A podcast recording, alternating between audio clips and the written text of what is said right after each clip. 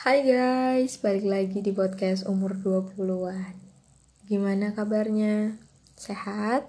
Baik-baik aja kan? Semoga baik-baik aja aku doain ya Yang lagi sakit cepat sembuh Yang hatinya lagi sakit juga cepat pulih Pokoknya apa pun yang lagi sakit Cepat sembuh deh Oke, okay, kali ini aku pengen bahas tentang definisi rumah di umur 20-an.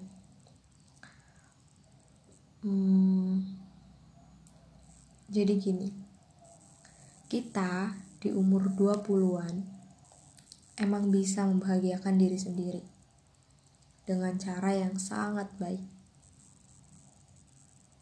Melakukan semua hal sendiri, cari uang, kemudian makan makanan enak, pergi ke tempat yang kita inginkan, membeli barang yang kita ingini. Tapi kadang di pikiran masih ada pertanyaan. Apa aku sudah benar-benar bahagia dengan diriku sendiri? Atau masih ada yang terlewat? Entahlah, hanya sekadar terlewat atau rasa syukur yang kurang. Di umur 20-an ini, kita secara sadar tidak sadar mau disangkal atau enggak kita tetap butuh rumah untuk sekadar menceritakan hal sepele sepele nabrak batu di jalan atau hal yang meresahkan hati.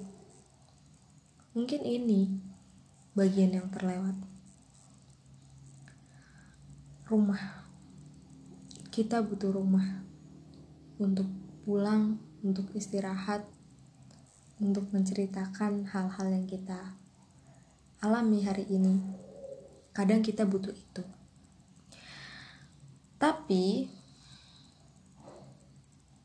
ini tuh bisa dibilang kadang butuh, kadang nggak butuh-butuh banget gitu.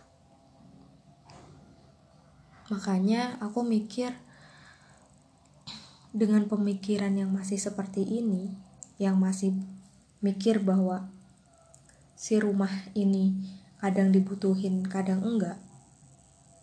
Kayaknya nggak bijak gitu. Nggak bijak kalau untuk memiliki rumah saat ini. Jadi sebenarnya apa yang dimau diri ini? Apa semua orang memikirkan hal ini? Atau merasakan hal ini atau hanya beberapa orang aja? Rasanya nggak enak ya. Hambar rasanya.